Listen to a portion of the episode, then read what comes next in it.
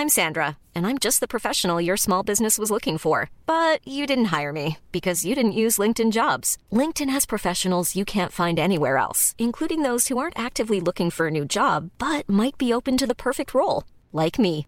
In a given month, over 70% of LinkedIn users don't visit other leading job sites. So if you're not looking on LinkedIn, you'll miss out on great candidates like Sandra. Start hiring professionals like a professional. Post your free job on linkedin.com/people today. Imagine the softest sheets you've ever felt. Now imagine them getting even softer over time. That's what you'll feel with Bowl and Branch's organic cotton sheets. In a recent customer survey, 96% replied that Bowl and Branch sheets get softer with every wash. Start getting your best night's sleep in these sheets that get softer and softer for years to come. Try their sheets with a 30-night guarantee. Plus, get 15% off your first order at bowlandbranch.com. Code BUTTERY. Exclusions apply. See site for details. Vi har ett samarbete med TCO som är tjänstemännens centralorganisation. Den svenska föräldraförsäkringen fyller ju 50 år nu och de har gjort en dokumentärfilm som Emma Molin är programledare för. Och jag slås av hur viktigt det är att börja prata om föräldradagar och ekonomi och framförallt som kvinna. Gud ja. TCO vill ju att det ska bli mer jämställt, alltså fördelningen i föräldrapenningsuttaget. Och det har gått framåt. Men sen 2018 så står det nästan helt still. Vi som kvinnor, våra inkomster minskar ju när vi blir föräldrar. Och i snitt så går vi miste om 50 000 spänn per år. Det blir utebliven löneutveckling när man är borta. Åh, jag blir så ledsen. För grejen är att männen då, eller papporna, de missar ju också tid med sina barn. Ja. Mitt första barn, då var vi hemma båda två från start. Och så insåg jag efter tre månader att så här, nej, men det här kommer inte funka. Nej. Så jag gick tillbaka och jobbade lite deltid och sen så delade vi 50-50. Mm. Nu har ju de en otroligt fin relation. Och när jag fick andra barnet då med en ny man, Mm. då tog jag första sex månaderna och sen tog han sex månader. Och sen så skarvade vi över sommaren. Och tredje barnet så tog jag tio dagar. Ja. Så gick det för mig. Nej, men tio dagar och sen så var jag hemma torsdag, fredag som jag tog ut föräldrapenning. Vi har det ju så bra som har en föräldraförsäkring i Sverige. Ja. Nyttja den. Verkligen. Tack TCO, Tjänstemännens centralorganisation. Vill du läsa mer så går du in på tco.se slash fira föräldrar försäkringen. Gud vad vi ska fira den. Verkligen, med pompa och ståt. Pompa. Det här är Tabberaset, en podd med mig, Frida Lund, och med Klara Doktorov. Och idag pratar vi om att utnyttjas och vänta på männen i tonåren. Ja, ni vet, man sitter vid telefonen som inte ringer. Vad har det här gjort med oss som vuxna kvinnor? Mm. Men sen blir det väl kukar, eller hur Klara? Ja, men det blir den store kuknäsans teori. För något ska vi ju ha här för männen också. Och sen har jag listat trendiga ord som vi alla hatar. Välkomna!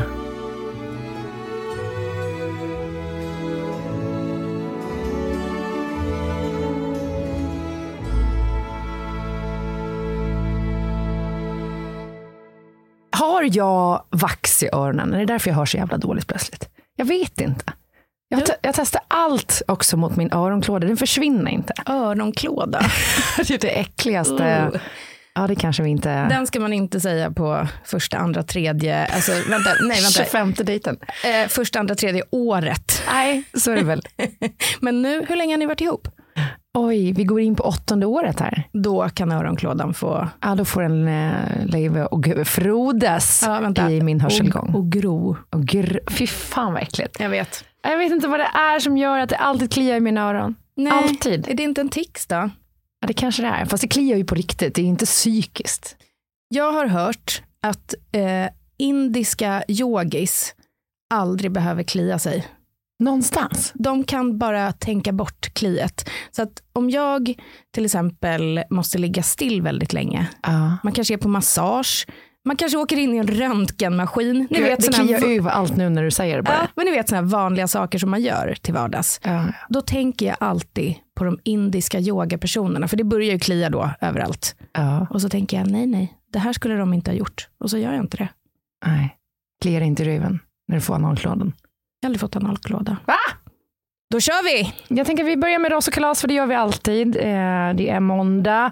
Eh, jag har ett lite längre ras och sen har jag ett väldigt kort kalas. Mm. Jag tänker att vi börjar med mitt korta kalas. Och det är ju att jag har läst boken Jävla karar av Andre Walden. Mm. Och den är skitbra. Ja, ja, jag har börjat. Men jag hade lite svårt för jag var på en sämre mental plats. Ja, ja. Så jag kunde inte gå in i hans eh, sorg. Nej, jag förstår det. Och det finns ju en hel del sorg i den här boken. Och eh, det är klart att den eh, kan vara väldigt ruskig stundtals. Mm. Men jag tycker också att den är med en Andrev Waldensk eh, sarkastisk humor. Mm. Eh, där han ändå äger sina minnen. Mm. Genom att göra dem fasligt roliga. Den står på min lista. Jag ska bara ha... Det är tragikomik liksom. Jag ska bara ha ägglossning ja, först. Väldigt bra är den. Mm. Vad har du kalasat i veckan då? Ja, men jag har kalasat över att jag har varit på en weekend med 15 tjejer. Och jag ska liksom inte gå in på detaljer om partybussen, eller ska jag det? Nej, helst inte faktiskt. alltså de låter alltid likadant de här historierna. Nej, det finns liksom jag, jag, aldrig någon som skiljer sig. Och sen så är det liksom Tessan som står upp och så blir det en, en spontan strip pole. Och vem visste att Tessan var så himla bra på Exakt. att glida upp och ner för stången? Det jag ska säga som verkligen var kalas, förutom alla roliga stunder, det var att jag ankom till Köpenhamn lite tidigare än de andra. Ja. Och eh, fick checka in tidigt. Och jag gick inte ut och upptäckte. Jag la mig i sängen, först tog jag en sexig bild, skickade till Anders. Och till Sofia Wood faktiskt. eh, och sen... Inte som en group chat hoppas jag. nej, nej, nej. Eh, och sen så låg jag på hotellrummet, beställde room service och chillade för mig själv. Uh. Och det var underbart. Ja men verkligen. Men annars är liksom kalaset att eh, resa med tjejer. Tack ja, faktiskt. för det. Men är inte det också, om vi talar om att du skickade din sexiga bild till Sofia Wood, mm. att man nästan hellre kåtar upp en kompis? Jo, men det var man inte... vill ha den kvinnliga blicken. Jo, men alltså, allt handlar ju om den kvinnliga blicken egentligen. Men jag vill ju inte kåta upp henne. nej, det... nej, nej, men man vill liksom ändå så här, wow, alltså mm. den här är, Exakt. vad är det man, man säger, slay. Det är någonting som folk använder. Ja, inte jag. Ja, på tal om ord som vi absolut inte ska använda. Vi kommer in på eh, veckans ras från mig. Jag har upptäckt att jag rasar på eh, influencers som använder specifikt ord. Och då kom det upp ännu fler ras. Så eh, häng med mig nu, för nu blir det en lista på olika skitord som jag hatar. Ja. Först då. Ordet produkt, inte generellt utan i obestämd form om själva innehållet i en produkt. Alltså det man smörjer in. Exempel, ta lagom mängd produkt och klappa in. Eller, mycket produkt för pengarna. Alltså du är ingen jävla CAD-konstruktör Tiffany med två N. Du har en sminklive, okej? Okay? Du vet vad jag menar, eller hur? Ja. De som bara, Ja, det är så mycket produkt för pengarna. Ja. Vadå produkt för pengarna? Det är mycket kräm för pengarna. Mm. Asshole. Okej, okay. andra ordet som måste upphöra. Ordet bottna. Om det inte handlar om att du ska förklara begreppet vattendjup för din icke simkunnige femåring så hoppas jag att du inte bottnar. Och jag kommer inte heller sträcka ut en hand, Emil Persson. Han använder ju det. Gör han det? Men konstant. Ja, okay. Va? Bottna hit och bottna dit. Ja. Jag gör också det i och för sig, men jag, jag måste Det har sluta. jag aldrig hört dig. Ord då. Ordet vibba används av självutnämnda vibe chasers. Förlåt, men har du någonsin funderat på om du är den dåliga viben Angelique?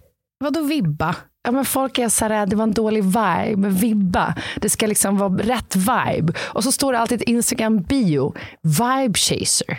Aldrig sett, aldrig hört. Det, det är var, alltid också... Var, var, befinner du dig? Det, det är också eh, 100% någon som heter Angelica men kallar sig för Angelique. Och jag menar nu inte Angelique Picture eller så, Nej, för henne har jag inte sett det. Gör det det. Men det är alltid generellt då mm. en sån tjej. Okej, okay. nästa. Ordet toxisk. Den som sa det Hen tar mig fucking var det. Och med hen menar jag ju givetvis geniet, men även Britney Spears. vi ska återkomma till geniet faktiskt. Ja. ja, det kanske vi gör. Och till sist då. Det finns ingen stad som heter Kypen, Frida. Ursäkta mig då, Klara. Upphör bara. Det heter Köpen fucking hamn. Det heter Köpenhamn. Sluta säga Köpen bara. Punkt. Har jag sagt Köpen? Nej men ni skriver det hela tiden. Köpen hit, Köpen dit. Uh, Alltså, nu är jag jättekränkt. Det är som att jag skulle, jag var ju i Venedig i helgen, så jag skulle kalla Venedig för lilla Venice. Eller vadå? Nej, lilla Ven. Ja, lilla. Ja, Det är inte, Ven. det är inte Ja. Ven. Skitsamma, det där haltade. Men du fattar vad jag menar. Okej, det där är mitt veckans ras Ja, och jag- ord jag hatar och vill ska upphöra. Jag fattar, jag kommer akta mig. Va? Fuck you. Känns jättefarlig idag. Då var det dags för min, mitt ras då. Ja. Vågar knappt titta i ögonen. Men, ja. Handlar om köpen? Nej, såklart inte. Radera dokument nu. Nej, vänta. Jag ska bara hitta mitt eh, dokument.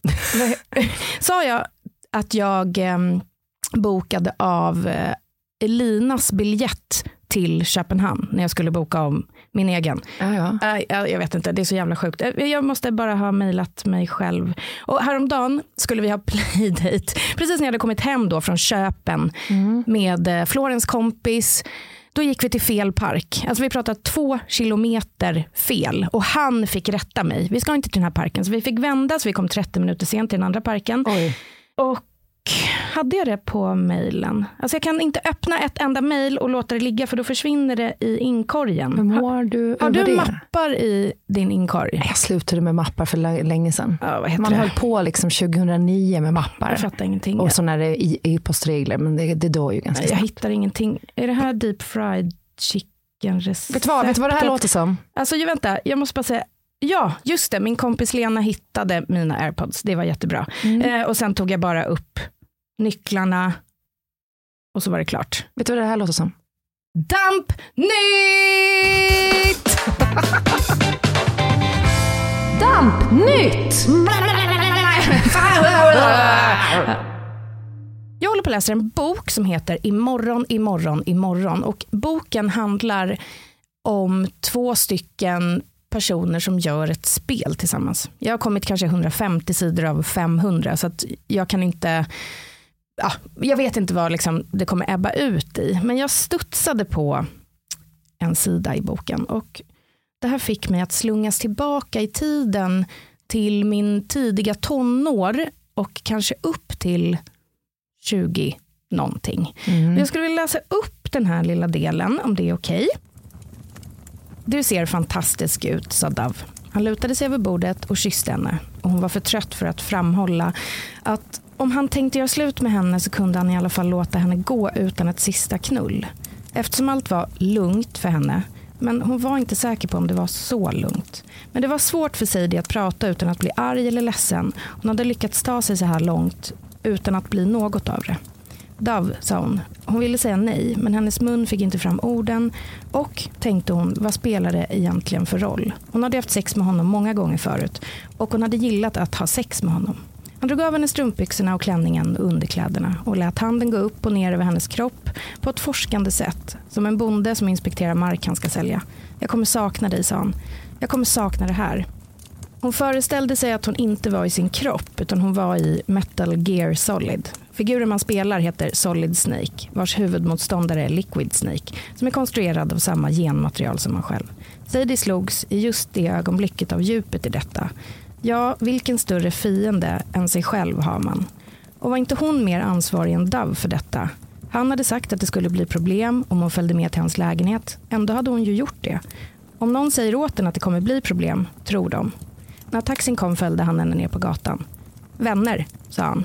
Ja, absolut, sa Sadie. Hon räckte honom nycklarna utan att vänta på att han bad om dem. Han kramade henne, satte henne i taxin och stängde dörren. När taxin började rulla längs Massachusetts Avenue kände hon sig varm i vinterkappan och antäppt så hon frågade chauffören om hon fick veva ner rutan. Vad tänker du när du hör det här lilla stycket? Eh, ja, men där har man ju varit. Mm. Verkligen. Jag fick eh, så himla Alltså inte i Massachusetts, men, men eh, i, i den här känslomässiga, att man Mm. inte vill, eh, man vill inte vara emotionellt berörd, men man är det. Ja, och jag fick verkligen så lägga ifrån mig boken för att det var som att mina tankar blev en annan form av dampnytt. Den bara tänkte tillbaka på massa tillfällen under min ungdom som kanske inte direkt började med sexuella upplevelser utan det började med att killkompisar tyckte att man var emotionell kanske.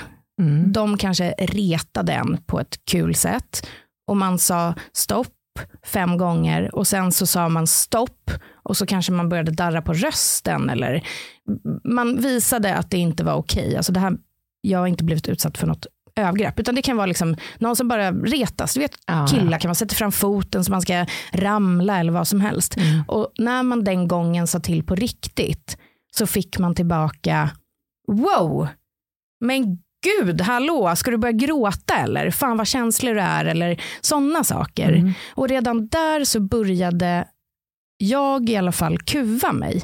Att man kände att man får inte mot snubbar sätta sig emot. Jag sätter gränser. Om man gjorde det, vissa gjorde det hela tiden, då blev man kanske antingen den sköna tjejen som var lite mer grabbig, eh, eller så blev man bara en idiot. Jag blev nog idioten. Jag kommer ihåg en jättetydlig, ett tydligt tillfälle när vi var nere och spelade biljard, jag och mina tjejkompisar. Eh, liksom på rasten nere i kafeterian då, på, på Solbergaskolan i Visby. Och eh, jag står där och spelar med kompisarna och eh, kommer en eh, jämnårig kille och kör upp en biljardkö mellan mina ben. Mm. Skadar mig på riktigt. Ja. Alltså hårt. Det gjorde så ont. Och min reaktion var, jag ska slå ner honom. Mm. Så jag vänder mig om, skriker, sparkar honom allt vad jag kan på smalbenen.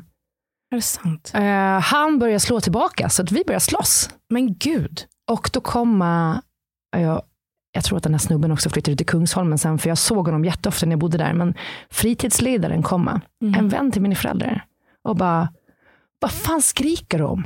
Och jag var Mm. så här, alltså han, han, har, han har skadat mig. Mm. Och han bara så här, men du behöver inte skrika, Nej. håll tyst. Så här, det, det, det är killar, killar håller på så här. Ja, men var inte så högljudd. Var inte så högljudd.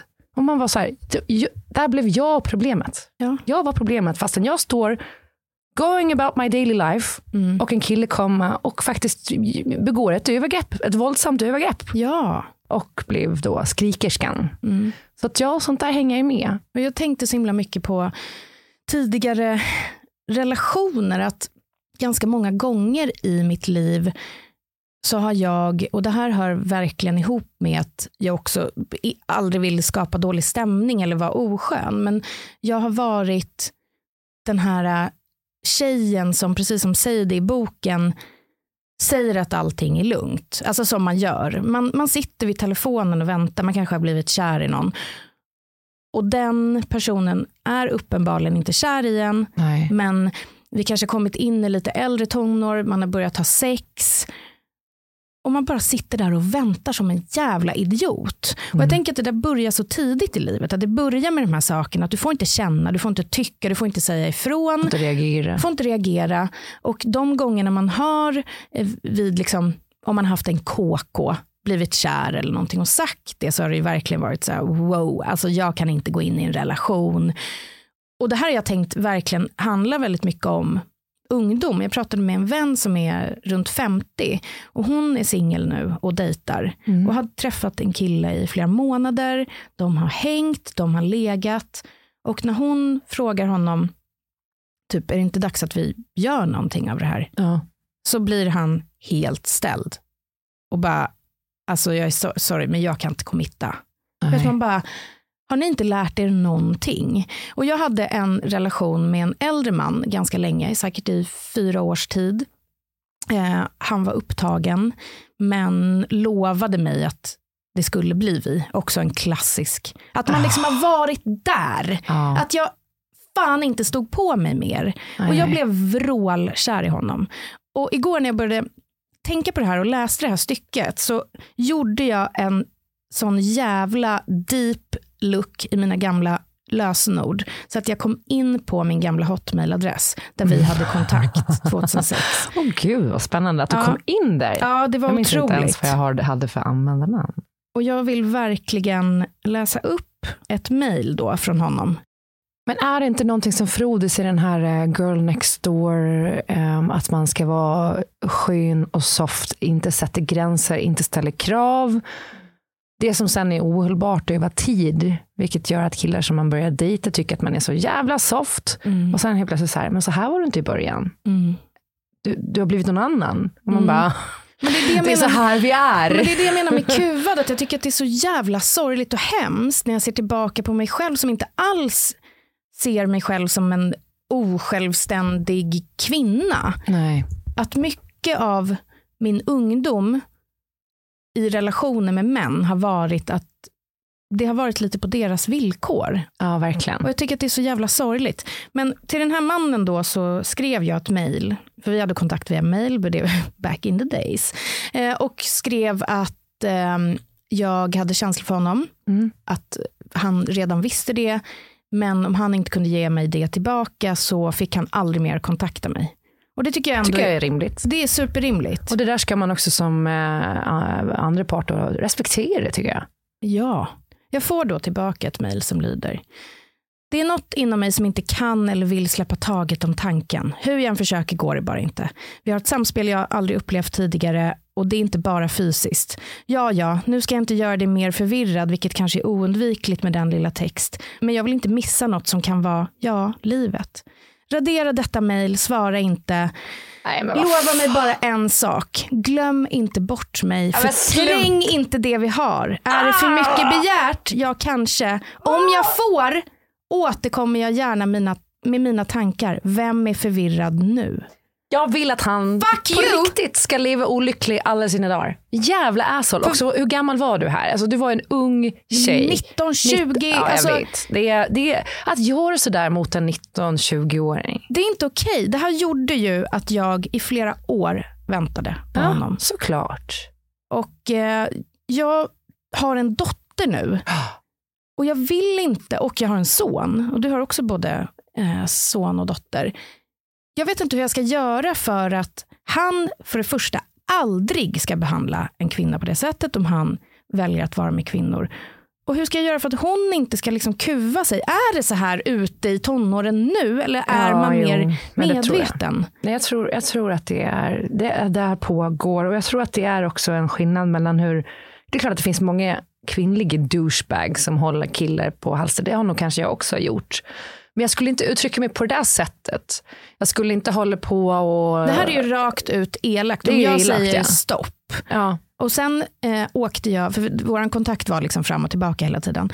Sen åkte jag till Australien, eh, där jag också träffade Anders. Uhu. Eh, så det här pågick liksom fram till det året jag och Anders träffades. Och då skrev jag ännu ett mejl och skrev, jag ska åka bort i två månader. Du får inte höra av dig till mig, för jag behöver den här tiden. Tror du han lyssnade? nej. Nej, såklart inte.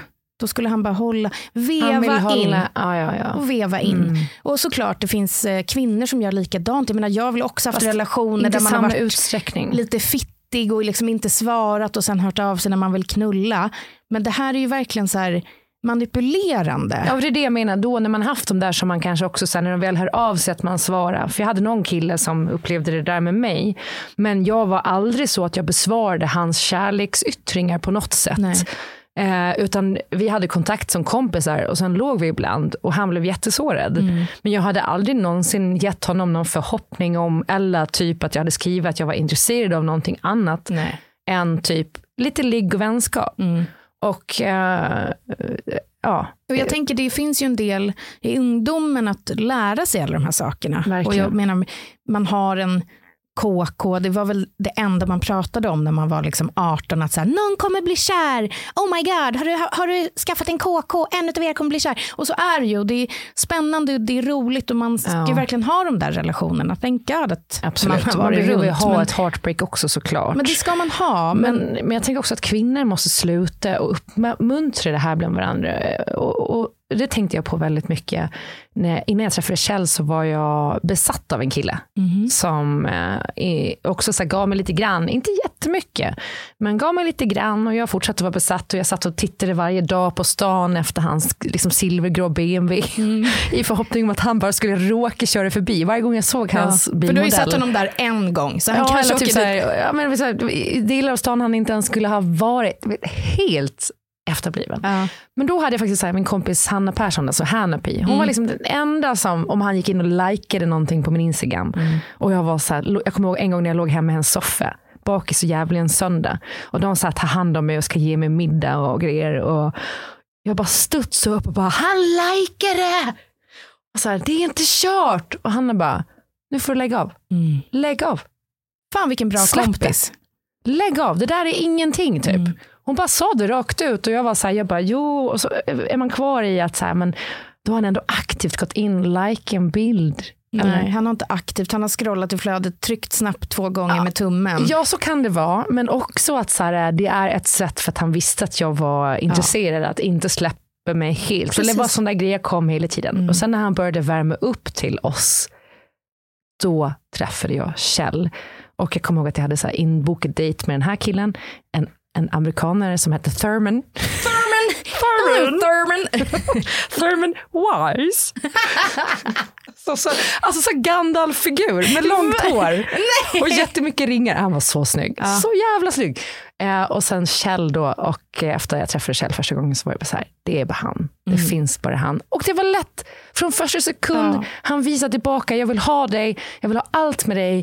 Det var aldrig någon jävla, liksom, det var inget spel. Men det där kan jag känna med Anders också. Och jag är så glad att jag inte var tillräckligt fucked up för att fucka upp. För jag försökte. Att man såg det när man väl liksom fick det i händerna. Ja, fast jag försökte fucka med Anders en del. Ja, det gjorde nog jag med Kjell också. När jag träffade Anders så skulle han en och en halv månad senare flytta till Norge.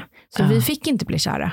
För jag hade heltidsjobb, hyreslägenhet. Han skulle flytta till Norge, resa runt. Ja, det är den jätte, surferdude. otroligt jobbigt att bara säga upp sig när man är i din ålder och hyra ut lägenheten Ja, i det andra går hand. ju inte. Nej, det går ju Absolut inte. Nej, det går ju inte. Du har ju så många barn som håller dig fast. Ja, ja, ja, exakt. Asshole. Nej, men, och vi, det, det gick, vi skulle absolut inte bli kära. Och dagen innan han ska åka, han har packade väskor i hallen och det är kväll och så pratar vi och så säger han, men vi måste ta snacket. Vad Ja. händer nu? Och jag svarar så här, ja vi får väl radera varandra från Facebook. Det var ju då man hade Facebook. Vi har varit ihop i 14 år. Eh, Vi får bara radera varandra från Facebook och typ, ja inte höras, jag vet inte. Det är väl det, jag vet inte. Ja, lite så. Ja. Och vi sitter och snackar fram och tillbaka och till slut så bara kollar han på mig och så säger han så här, men vad vill du? Ja. Änt- alltså så här, en kille som kan Ja, uttrycka det. och jag svarar, jag vill ju bara vara din. Nej, vad Jo, fint. Och då svarar han, och jag vill bara, jag börjar nästan gråta, jag är skör. Eh, Jag har varit i Köpen i... Käften. Eh, nej, och sen står vi på Gullmarsplan där jag ska droppa av honom dagen efter och hånglar i regnet. Nej, vad fint. Och han drar, och vi har alltså träffats i en och en halv månad, ses inte på fem veckor. Och då åker jag till Ålesund där han bor. Också världens härligaste ställe. Det är det vackraste som finns. Kommer av och bara, vad är det här för place? Han bor hemma hos en kompis på Kierkegaard. Nej, vänta, det var danska. Förlåt, jag var till Köpen. Eh, Käften! Kyrkegate. Eh, bor hemma hos en polare. Vi ligger på en madrass bakom soffan. Alltså, ni förstår hur ungdomligt. Och vi hånglar och vi ligger i en veckas tid och bestämmer att jag måste dit. Ja. Jag flyttar. Så jag åker hem, hyr ut lägenheten, slutar på mitt jobb. Och två veckor senare så står jag med liksom två väskor på Vigras flygplats i Ålesund och bara Ja. wow. Och vi är ju, alltså vi är så kära. Det är helt fantastiskt. Ja. Alltså vi var så kära, alltså vi är ju kära fortfarande men hej, det har men gått 14 precis. år. ja, jag vet vad du menar. Men Jag fortfarande, Man får måste- inte glömma den där, den där lilla magin där, för den finns ju fortfarande kvar någonstans. exakt. Bakom myget av alla barn och alla beslut Mm. och, och liksom, jag menar, vad heter det, väderfunktionella kläder. Så man bara måste hitta den där magin. Mm. Och jag den- hoppas att så här, har vi typ en 18-åring som lyssnar, det kanske Mm. vi har. Snälla, liksom, var snäll mot dig själv, var snäll mot dina kompisar. Du behöver inte Säg- säga så nej. här, "Åh, gör slut.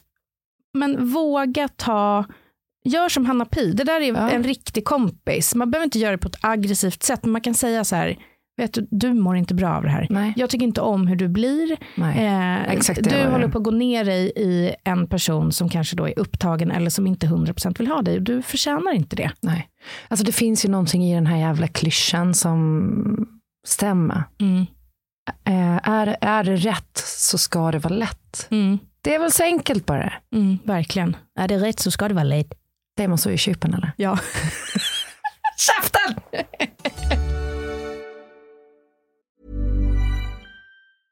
Mother's Day is around the corner. Find the perfect gift for the mom in your life with a stunning piece of jewelry from Blue Nile. From timeless pearls to dazzling gemstones, Blue Nile has something she'll adore. Need it fast? Most items can ship overnight. Plus, enjoy guaranteed free shipping and returns. Don't miss our special Mother's Day deals. Save big on the season's most beautiful trends. For a limited time, get up to 50% off by going to BlueNile.com.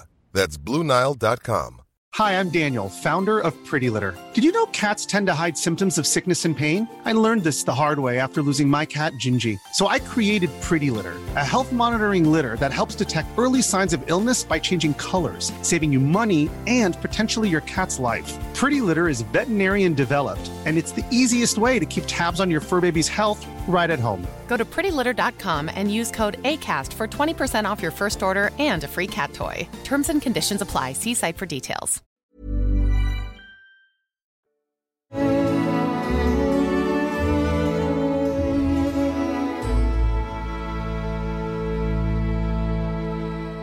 Jag tänkte på tal om upptagna män, Frida. Du flaxade förbi eh, i något samtal, flaxade förbi, men i något samtal så plötsligt så uh, la du bara in från ingenstans eh, din teori om den stora kukens näsa. Alltså storkuksnäsan. Jag tror det var när vi pratade om eh, han skådisen i The Bear som har en väldigt speciell näsa som vi både kom fram till, alltså vi kom fram till att han var väldigt sexig. Ja. Eh, och då sa du, jag vet att han har stor kuk, för man ser det på hans näsa. Mm. Det är storkuksnäsan. Jag var så här, vad betyder det och vad är det? Mm. Eh, Menar du att vi ska lansera det här nu så att alla tjejer där ute ska kunna titta innan de öppnar brallan? Så att alltså säga? ja, precis. Mm, spännande, kul. Och det räcker med att titta och, och veta. Ja, verkligen. Eh, för det, det slog mig då när du förklarade hur den här storkuksnäsan ser ut i sin beskaffning. Och då när jag skulle komma in på de upptagna männen, att jag eh, på ett jobb då började hångla med en jättemycket äldre kar. Mhm. Han var väl upptagen då. Jag vet att han har skilt sig efter det här. Men... Och sen så glider jag ner med handen i den lilla jeansbyxan. Ja, Och där är det ju Bamse. du möts av. Bamse bulge, så att säga. Ja. Det var, det var gigantiskt. Mm. Och när du förklarade den stora eh, eh, kuknäsans teori så insåg jag att han hade exakt den här eh, näsan. Mm.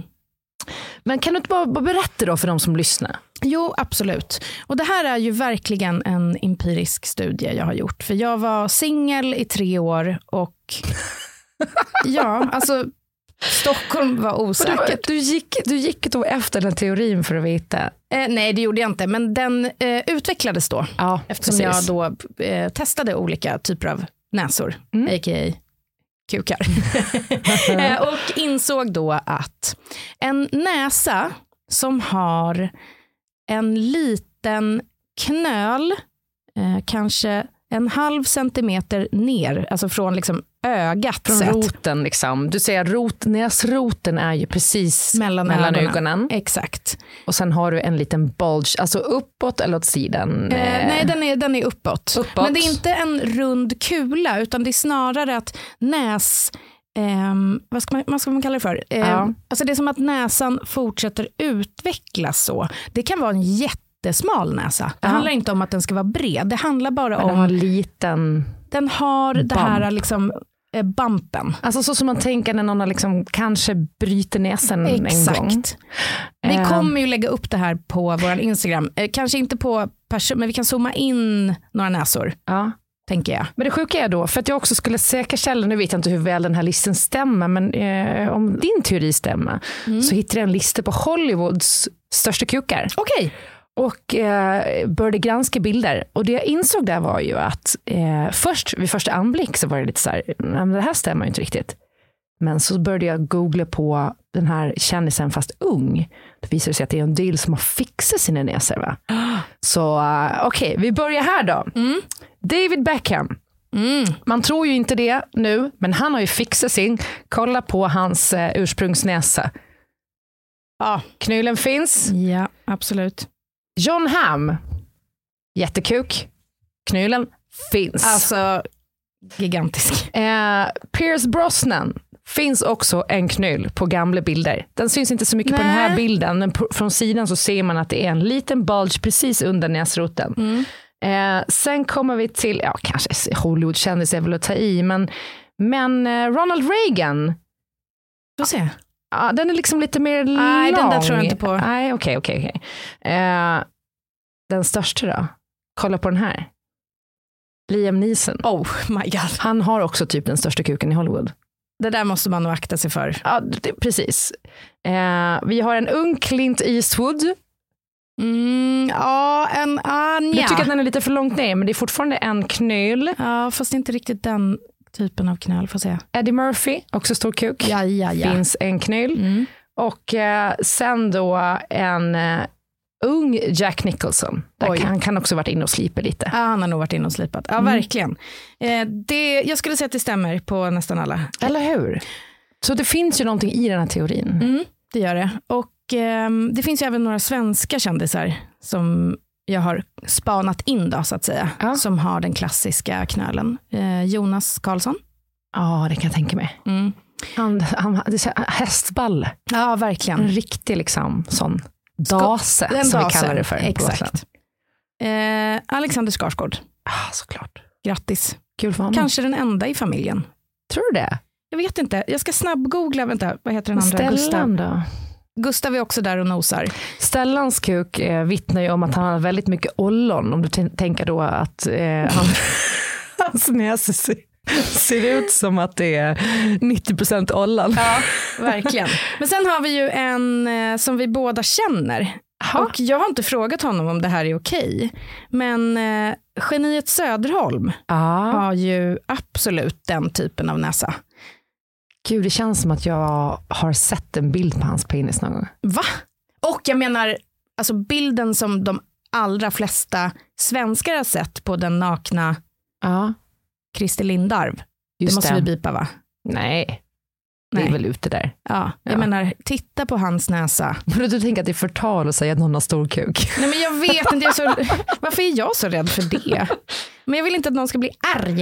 Eh, nej men han har ju liksom, alltså arketypen ja, av den näsan. Precis. Så att eh, tjejer, när ni är ute på krogen och ska gå hem med någon, ta en liten titt om det är så att ni gillar stora dasar. Ja, Precis. Men då tänker du att är, de, är det omfången som är, är det, det här är hela. Som är, det här är, liksom, det, hela. det är hela. Ja, det är paketet liksom. Mm. Det är underarmen. Det är underarmen, ja, ja, ja. exakt. Ja, fan den största jag har varit med, det var faktiskt exakt så. Mm. Den här knölen. Samma här. Ja, men med det så uh, kukar vi vidare in i uh, måndagen. Det gör vi verkligen.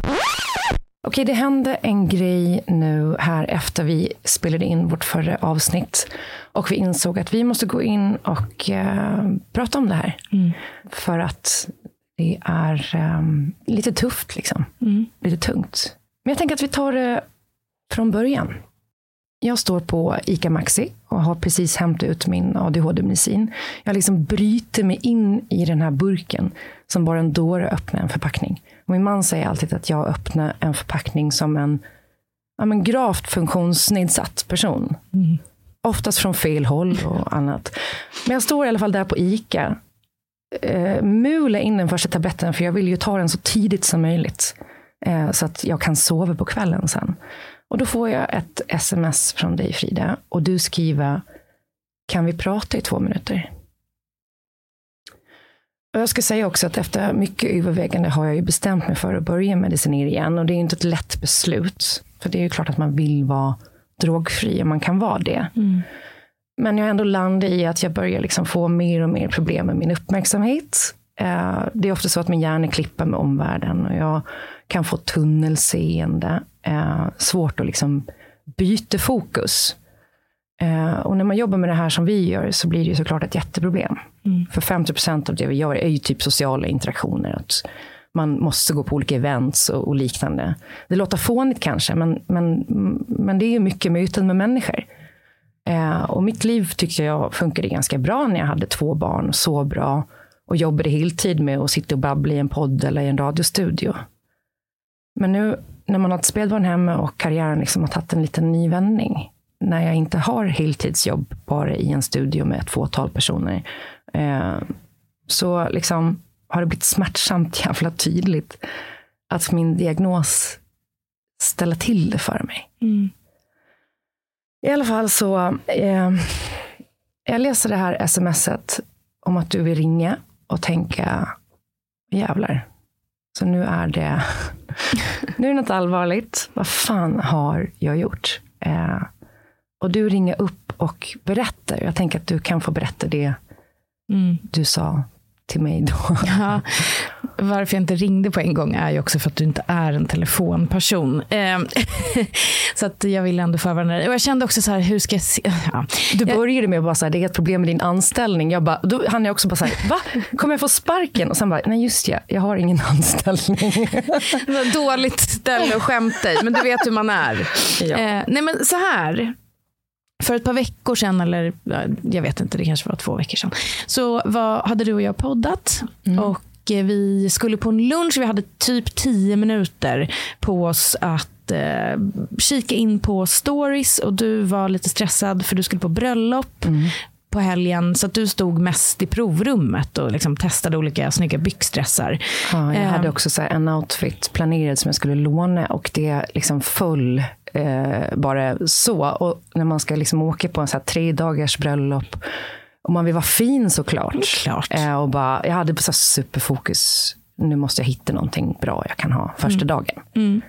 Vi träffar en annan influencer i den här butiken, eller jag träffar henne. Och mm. så här, hej, woo! Och hon säger hej, woo! Och sen kom du från provrummet och eh, ska hälsa på den här influensen och hennes kompis som mm. var med. Jag sträcker fram handen tror jag till den inre tjejen som jag inte känner igen. Och sen ska jag sträcka fram, eh, och här har jag ju liksom tunnelseende lite sådär. Sträcker fram handen till den andra så ser jag att jag känner igen henne. Så jag bara, men vi har väl setts? Hej, typ. Jag, jag känner igen dig. Eh, och hon säger någonting med att jo, men det tror jag nog att vi har någon gång. Så här. Och jag kanske har träffat henne jättemånga gånger. Mm. Men jag är också så extremt ansiktsblind tyvärr. Ja, jag med. Eh, och sen så i mitt huvud där blir det bara så här, jag, jag tittar runt för ni pratar lite mer. Och jag bara så här, skor, oj, de där, skulle, de där skorna var bra till den. Och sen bara, fan jag måste hinna till kassan och bara så här, när är den där lunchen vi ska på nu? Är vi sena? Mm. Och jag bara så här, hjärnan vandrar iväg, liksom, mm. tillbaka in i mitt shoppingfokus typ. Mm.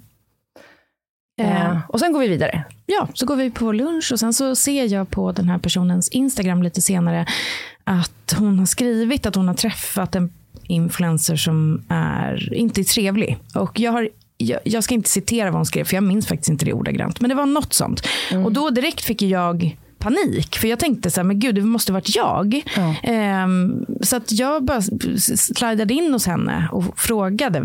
Jag bara, hej, vem, vem var det? Um, och då skriver hon till mig att det var du. Mm. Och jag alltså svarar så här, va? Typ, jag, jag skrev va med liksom fyra A och bara va? Vad menar? Typ, nej, Klara är jättehärlig. Eh, och så skrev jag så här, hon kanske inte är lika fladdrig eller så här, lika vad heter det, viftig. Hon är lite, kanske lite mer lågintensiv bara, som inte liksom vrålar hej när man ses. Eh, och hon skrev så här, eh, ja, men jag, någonting med typ, ja okej, okay, men jag gillar inte det typ Typ av beteendet. Och jag bara, nej, alltså hon är jättehärlig.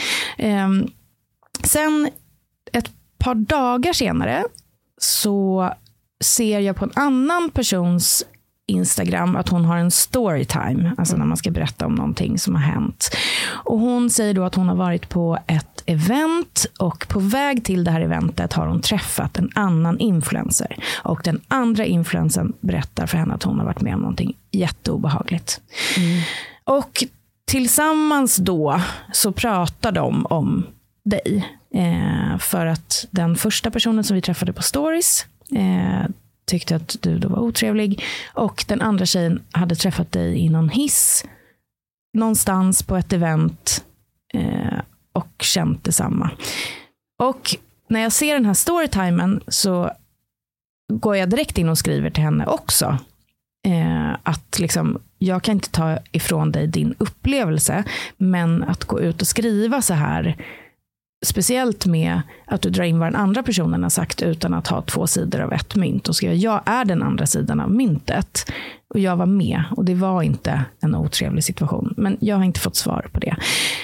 I mitt huvud då så känner jag vad fan ska jag göra? Ska jag säga det här till Klara eller inte? Och så tänker jag nej, det är onödigt att berätta det här för henne för att nu är det klart. Nu har mm. de gjort sin grej.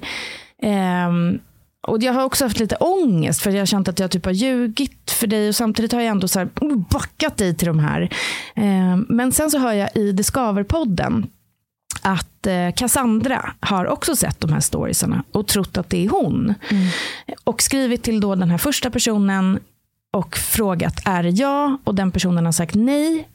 Men också så här, nej, men väldigt många trodde att det var du. Mm. Också jättesårande. Och, och, i sin podd då, Det skaver så säger Cassandra att hon liksom fortfarande tror att det är hon. Så jag bara, okej, okay, då får jag gå in till henne och skriva. Det är inte du. Mm. Du är jättegullig. Mm. jag var med när det här hände, i alla fall den första personen. Jag skrev såklart inte att det var du, men det vet jag inte om hon vet. Um, och då känner jag väl så här, nu kommer det här spirala iväg. Ja. Så jag skickar då det där smset till dig och berättar det här och är jätte, alltså jag, det sista jag vill är att såra dig. Nej, jag vet, jag Men, förstår. Jag ja. förstår. Gud, jag sitter verkligen och skakar för det här är, det, det, det är att öppna dörren till så jävla mycket liksom. Mm. Och min... Eh, fan, jag måste samla mig. Förlåt. Min spontana reaktion var när du ringde då att jag bara kunde skratta åt det här. Eh, jag hade nog svårt att ta in det. Liksom. Mm. Men sen vaggade jag ändå runt där på Ica Maxi efter jag hade hämtat ut min medicin. Och liksom, det enda jag kunde komma på att köpa var ett paket jävla havskräftor. Jag har aldrig lagat havskräftor i hela mitt jävla liv. Jag tar också de som redan är kokta. Man vet ju att om man ska liksom, typ gratinera havskräftor så ska man ju ha färska, inte fucking kokta. De blir ju som fnöske i ugnen. Liksom. Uh, så tänkte jag, så här, ska jag skriva till de här två tjejerna? Och jag började författa olika meddelanden.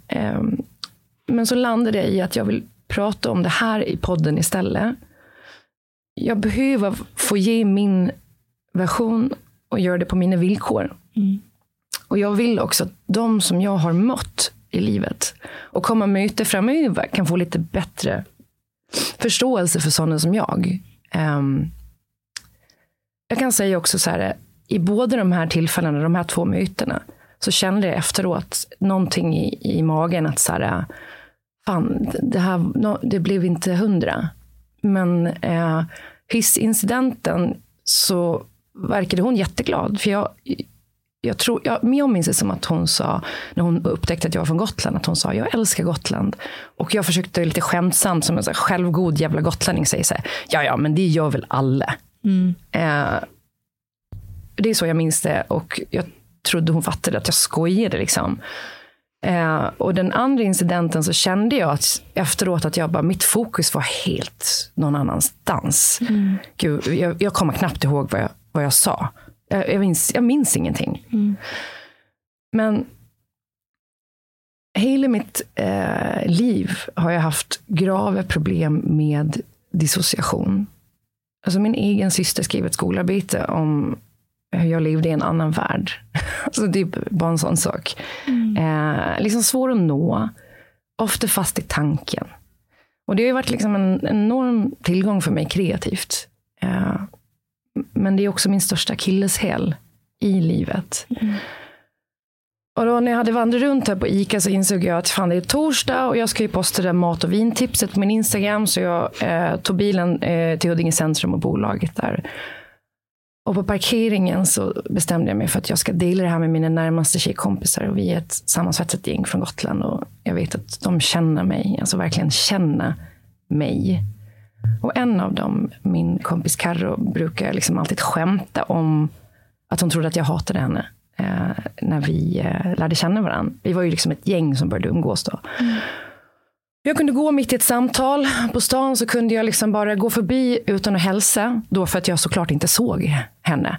Men jag kan ju titta rakt på folk och gå förbi dem. Mm. För jag är i min värld. Mm. Och det vet ju inte de. Nej. Jag var väldigt disträ, liksom, svår att nå stundtals. Och, och för ett liksom, lite otränat öga så framstår man ju då som ganska dryg såklart. Och när jag sitter i bilen och författar det meddelandet till tjejgänget om eh, att det pågår ett rykte om mig, eh, så då kom gråten över mig. Eh, för det var, det var så jävla naket. Mm. Och jag, eh, jag vet ju att de vet, för de har gått för min sida och fått, alltså de har fått övertyga våra nya bekantskaper om att inte ta det personligt när jag gör konstiga grejer. Liksom.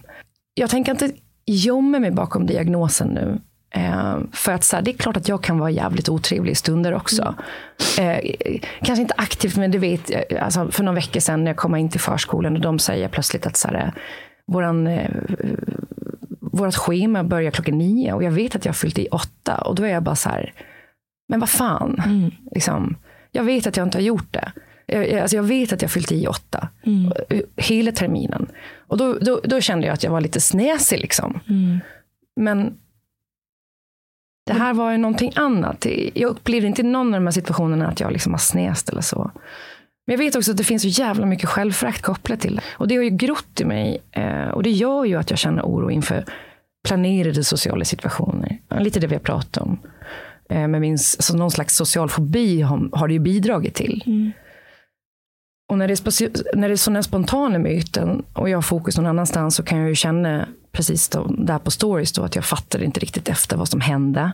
Var jag där? Mm. Vad sa jag? Fattade personen om jag skämtade? Um, men jag samlar i alla fall ihop mig efter det här gråtbrytet och får så jävla fin feedback från mina kompisar också. Um, alltså de, de har stått ut. Nej, säg inte så, Klara. Men det... Det är ingen som står ut med dig. Jag blir jätteledsen när du säger så. Nej, men det... Jag vill ju inte vara så här och jag vet att jag är så här. Jag är så jävla arg på min hjärna. Jag är så jävla arg på mitt fokus. Och jag är så jävla trött på det. Och det är liksom en av de grejerna nu med att jag börjar medicinera. Och så roligt att jag börjar medicinera samma dag. Typ primärt av den här anledningen. Som du ringer och bara. Det är ju typ en av de här grejerna som jag vill lysa allra mest. Mm. Um, men jag samla ihop mig i alla fall, gå in på Systembolaget och prata med någon jätte, jättegullig yngling och han ville rekommendera bread and butter, vite. Oj. Och jag bara, nej, nej inte, inte den. Nej. jag, kan inte, jag kan inte tipsa om bread and butter på min Instagram. Nej. Och sen börjar jag gråta igen, sätta mig i ett litet hörn där bakom nya världens vitviner. Mm. Jag vet ju att jag mötte inte de här två tjejernas förväntningar i, i, i IRL. Liksom. Mm. Och jag är ledsen för det. Uh, men jag vill också att folk ska förstå det här att så här, eh, vi, vi är så jävla snabba på att döma idag. Mm. Um, och på bilder, liksom, bilda oss uppfattningar om människor. Mm. Och du sa någonting också där i att så här, eh, det är ganska lätt att få en bild av dig online. Mm. Och den eh, kanske inte riktigt stämmer överens med den man träffar. Det där med typ att vi har pratat om att jag är lite mer low key, lågintensiv, mm. lite väck stundtals. Liksom. Mm. Zombie. ja, men jag tycker så mycket om dig. Men, men jag tänker att när man möter en person som inte bekräftar online-personligheten. Speciellt när man jobbar med Instagram och med sociala medier så vet man ju att det är inte 100 procent det man delar som man kanske är. Och visst, jag menar man kan möta en person som man upplever otrevlig och så kan man ringa en polare och säga fan, den här mm. personen var otrevlig. Men det är ett annat steg att liksom lägga ut det på nätet. För det skapar då spekulationer, det blir klick, det blir, liksom, det blir inte bra. Nej. Och det är inte så att du har gjort någon av de här människorna illa. Det har varit två väldigt korta sekvenser där de då har upplevt dig som otrevlig. Och det känns så, det känns så stort och liksom göra det till en sån grej. Och hade det varit då så fruktansvärt jobbigt så kan man ju tänka att de kanske skulle skrivit till dig. Mm. Eller något. Nej, men det kanske man inte Vi känner gör. ju inte Nej, varandra. men liksom Alltså- pratat med sina polare som man gör. Ja. Men också så här, herregud. Jag vet inte, jag, jag blir förbannad. För det här, sånt här gör ju mig, det här är min, liksom, min största grej är att ingen någonsin får känna sig utanför. Och det var därför jag också hade så himla svårt eh, att ringa dig. För jag, alltså jag, eller svårt, men jag, jag vill inte att du ska bli ledsen. För du är ju inte en otrevlig person. Klart du kan snösa på förskolepersonalen, PGA en anledning. Ja, ja, Men men du- alla har ju alltid eh, otrevliga sidor Ja, såklart. såklart. Och jag menar, jag är absolut inte fri från otrevlighet. Jag kan, framförallt på internet, du vet ibland när man skriver med så här, män på internet. Ja, men snälla, men det här är inte samma sak. Jag tänker på en grej som min psykolog säger att jag ska säga till mig själv. Alltså typ lilla Frida. Jag är ju bara jag. Och du är ju bara du och du är jättebra.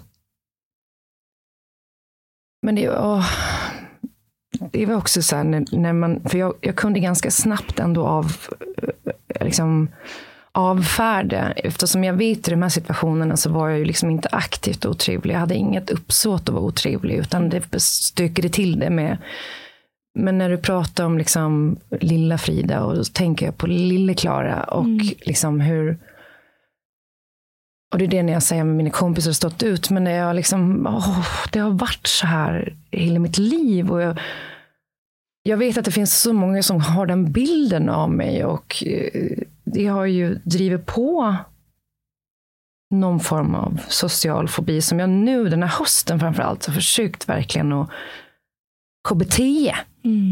Men jag vill också landa i nu att så här, världen behöver inte mer ilska. Och jag förstår att du är arg också för att alltså så här, det här är väldigt nytt för mig. Det, det spelade ut sig igår för mig och du har ju vetat längre. Och eh, varit så, ka- kanske väldigt frustrerad över också att det blir liksom Instagram stories istället för att man kanske tar grejer eh, IRL eller bara skickat meddelande och sådär.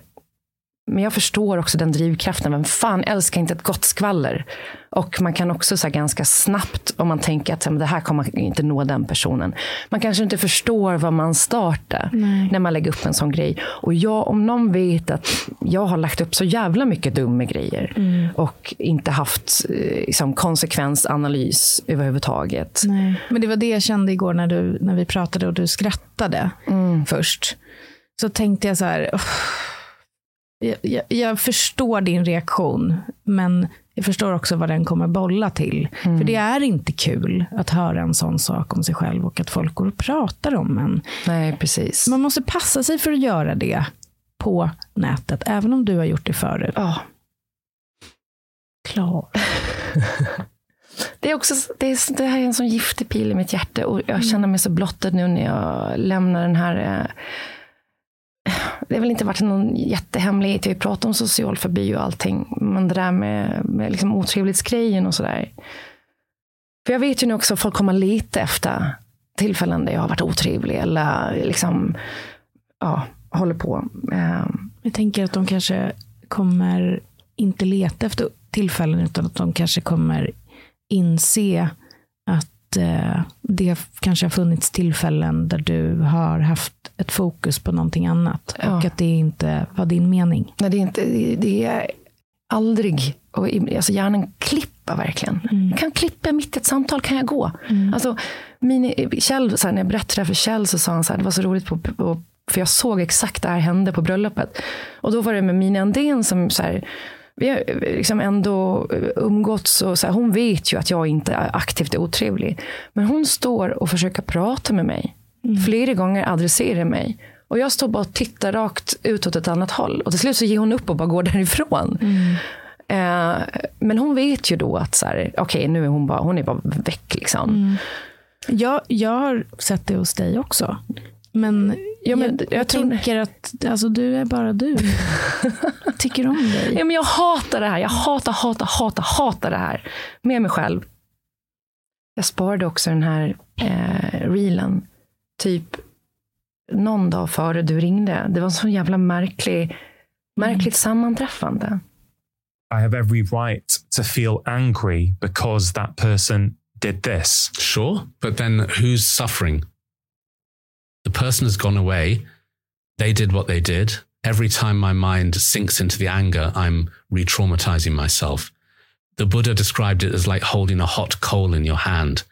You just hold it and it burns you. But if you put the coal down, you won't be burned. Forgiveness is you dropping the burden. We often feel angry with somebody or about something. And what's very important is to look at the anger itself rather than the thing or the person we're angry with or about. Until we do that, it just creates more of itself. And what really changed for me was when I learned how to give compassion to those feelings. Looking at the anger itself through meditation is where you take away the story. I'm angry because he did this, she did that.